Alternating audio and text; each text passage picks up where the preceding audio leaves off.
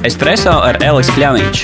Koncentrēta saruna par aktuālitātēm juridiskajā jomā. Mani sauc Marta Cera, esmu Eliks Kļāviņš, asociētā partnere, zvērnāta advokāte un banku un finanšu grupas vadītāja. Jā, labdien, Marta! Šodien mēs uh, runāsim par tādu visai interesantu un drīzumā droši vien aizvien aktuālāku tēmu kā digitālais eiro, kas nav gluži tas pats, kas jau mums šobrīd labi zināmā un pazīstamā bezskaidrā nauda, bet kaut kas pavisam cits, un ar to arī es gribētu sākt, ja vaicājot Martai, kas tad īsti ir digitālais eiro, ko šis jēdziens nozīmē. Tātad eh, digitālais eiro eh, būtu Eiropas Savienības centrālās bankas eh, izdota nauda digitālā formātā. Un kā Eiropas centrālās bankas izdota nauda, tas tādā ziņā atšķirtos no šīs privātās naudas. Šobrīd skaidrā nauda un e, nauda, ko mēs izmantojam veicot e, elektroniskos maksājumus, nav viens un tas pats. E, skaidrā nauda ir centrālās bankas, ja valsts centrālās bankas izdot naudu savukārt elektroniskajos maksājumos, tad, ja pārskaitījumos, tad mēs izmantojam privāto naudu. Faktiski banknotes un monētas šobrīd ir vienīgais centrālās bankas naudas veids, kas ir pieejams sabiedrībai nu, centrālās bankas nauda tiek saukt arī par valsts naudu, jo to emitē valsts iestāde, jeb centrālā banka un attiecīgi nodrošina valsts sektors. Savukārt eh, nauda mūsu kontā eh, ir privātā nauda, jeb faktiski eh, savas bankas radīta nauda. Un, kad mēs ejam uz bankomātu izņemt banknotes, tad mēs šo privāto naudu, kas atrodas mūsu bankas kontā, tādējādi konvertējam uz centrālās bankas naudu. Pateicoties valsts naudai, cilvēki var uzticēties nu, šīs banku emitētās naudas vērtībai, ņemot vērā, ka ir iespējama šī konversija. Un tātad ar šī digitālā eiro iniciatīva, faktiski, eh, ko ir, ko ir iesākusi Eiropas komisija, mērķis ir apvienot centrālās bankas naudas priekšrocības un eh, veidu, kā cilvēki mūsdienās izmanto naudu un veids maksājumus. Un tādējādi papildus šai skaidrajai naudai eh, varētu nodrošināt arī valsts izlaist naudu elektroniskā formā. Tas, tas panākams ar šīs centrālās bankas digitālās valūtas, jeb digitāla eiro palīdzību. Daudz droši vien varētu interesēt tas, vai šis digitālais eiro, tad, kad viņš tiks pilnībā ieviests, aizstās skaidru naudu un parasto eiro banknošu un monētu vairs nebūs. Digitālajiem eiro nebūtu mērķis aizstāt skaidru naudu. Šī brīža projekta stadijā idejiski tā būtu personas papildu izvēle veikt maksājumus digitāli vai arī ar skaidru naudu vai arī ar, ar pārskaitījumu vai ar karti kā šobrīd.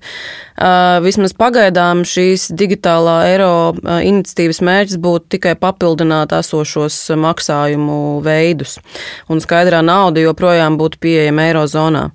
Nu, tomēr, protams, ir jāņem vērā, ka šīs skaidrās naudas nozīme pakāpeniski tomēr mazinās. Arī šobrīd skaidro naudu vairs nevar izmantot, piemēram, ētirzniecībā, un arī daudz klātienes veikali dod priekšroku bez skaidrās naudas maksājumiem. Līdz ar to šī skaidrās naudas nozīme viennozīmīgi mazinās, un, un tas arī ir iemesls, kāpēc centrālās bankas, tā skaitā arī Eiropas centrālā banka, liek lielu uzsvaru, lai nemazinātu šīs te, valsts naudas nozīmi ekonomikā.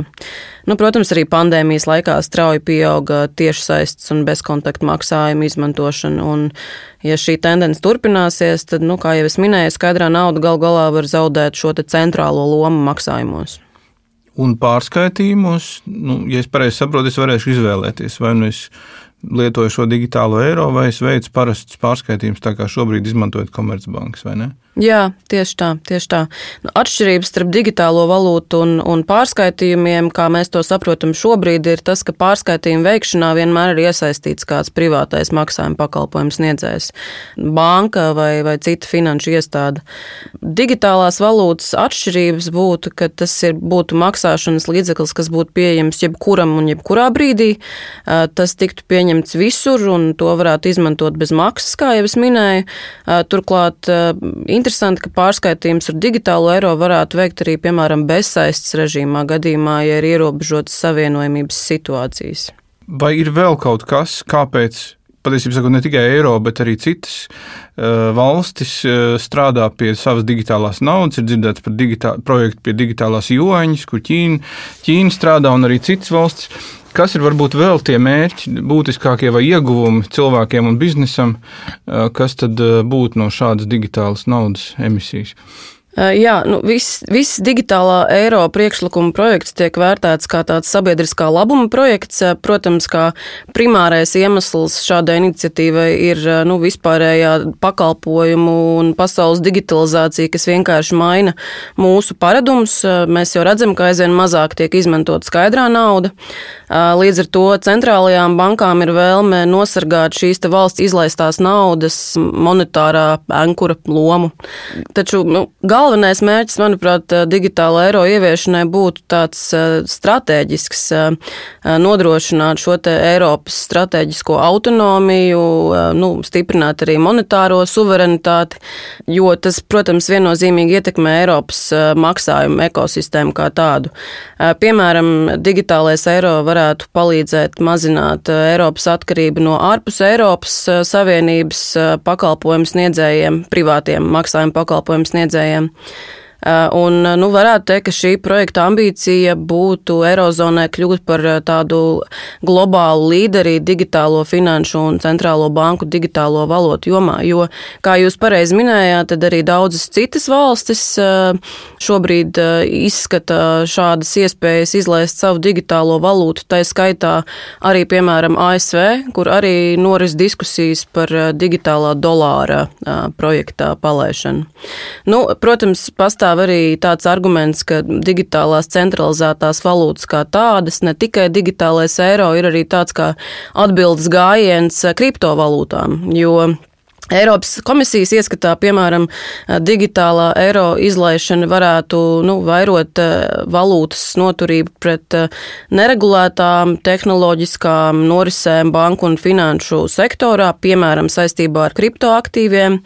Uh, un, un citiem alternatīviem maksājuma risinājumiem, nu, kuros netiek izmantotas ne tās nozīmīgākās kāršu schēmas, kā Visa vai Mastercard, un kuri var uh, apdraudēt uh, finanšu stabilitāti. Nu, svarīgi piebilst, ka tas salīdzinoši kriptoaktīvi nav novērtējami centrālo banku naudā pēc nomināla vērtības.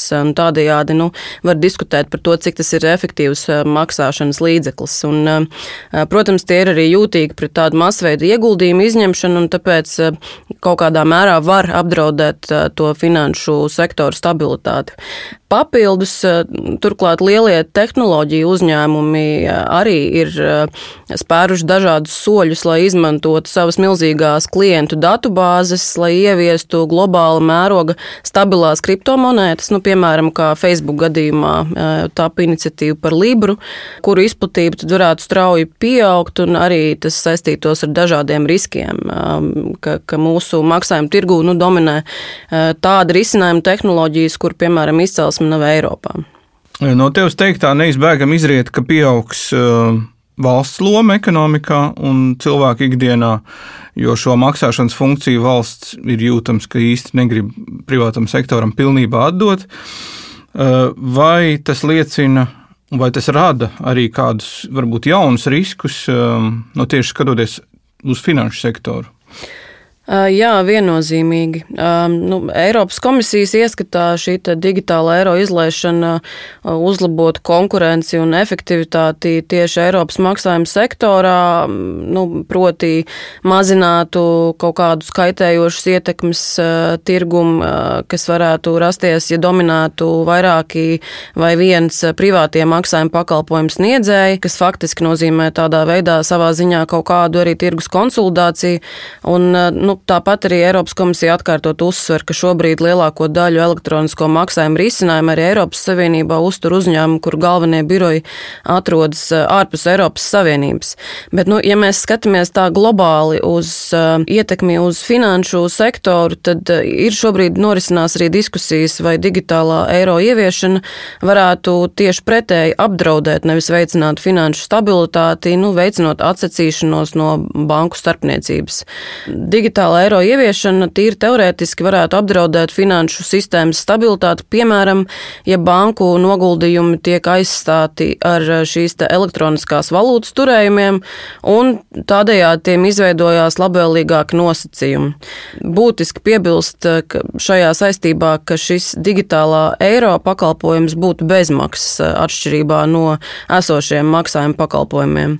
Nu, tādējādi samazinoties noguldījumiem, tad var palielināties arī banku sistēmas aizdevuma izmaksas, un tas savukārt var ietekmēt privātā sektora kreditēšanu, nu, gan apjoms, gan arī procentu izmaksas šīs augstākās finansēšanas izmaksas un lielāka nenoteiktība par finansējumu nākotnē, nu, var tad kopumā atsaukties gan uz banku sistēmas stabilitāti, gan arī uz ekonomiku.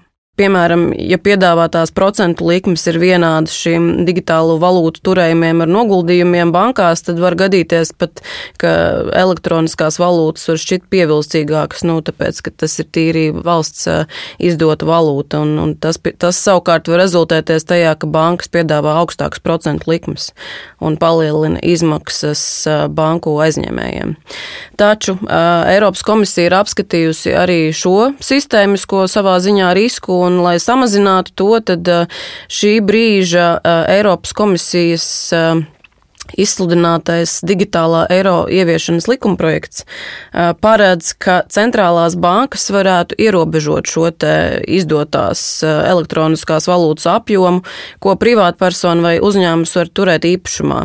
Nu, proti, šobrīd šis ap, apjoms būtu ierobežots līdz 3000 eiro. Nu, tas, tas mērķis ir, lai samazinātu jebkādus iespējamos draudus, ko finanšu sistēmai varētu radīt digitālais eiro un tā apjoms, ko lietotāji varētu turēt savos kontos, tad šis te apjoms tiktu ierobežots līdz 3000 eiro, lai tādējādi arī, piemēram, krīzes laikā novērstu šo banku noguldījumu aizplūti.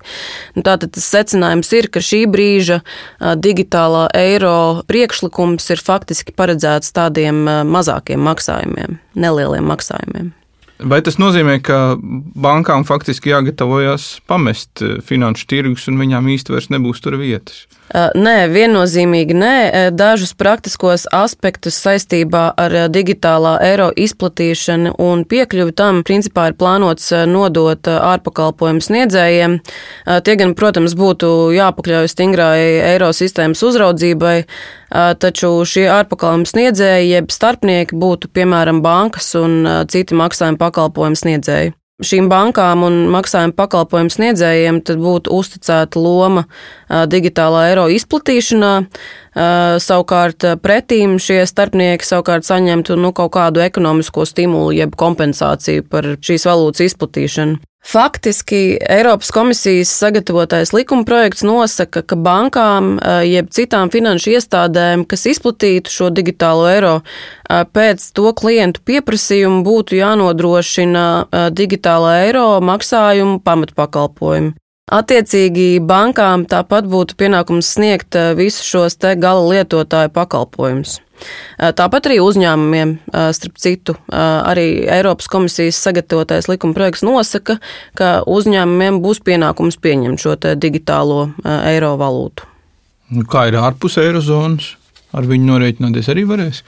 Uh, šobrīd uh, likuma projekts paredz uh, ļoti lielu sasaisti tieši, protams, ar Eirozonu, proti ar valstīm, kur ir ieviests eiro un šo te digitālo eiro projektu, taču uzņēmējiem un personām, kas atrodas ārpus Eirozonas, iespējams būs lietot šo digitālo eiro gadījumā, ja viņiem būs atvērts maksājuma konts kādā no Eirozonas bankām vai, vai, vai maksājuma pakalpojumu sniedzējiem.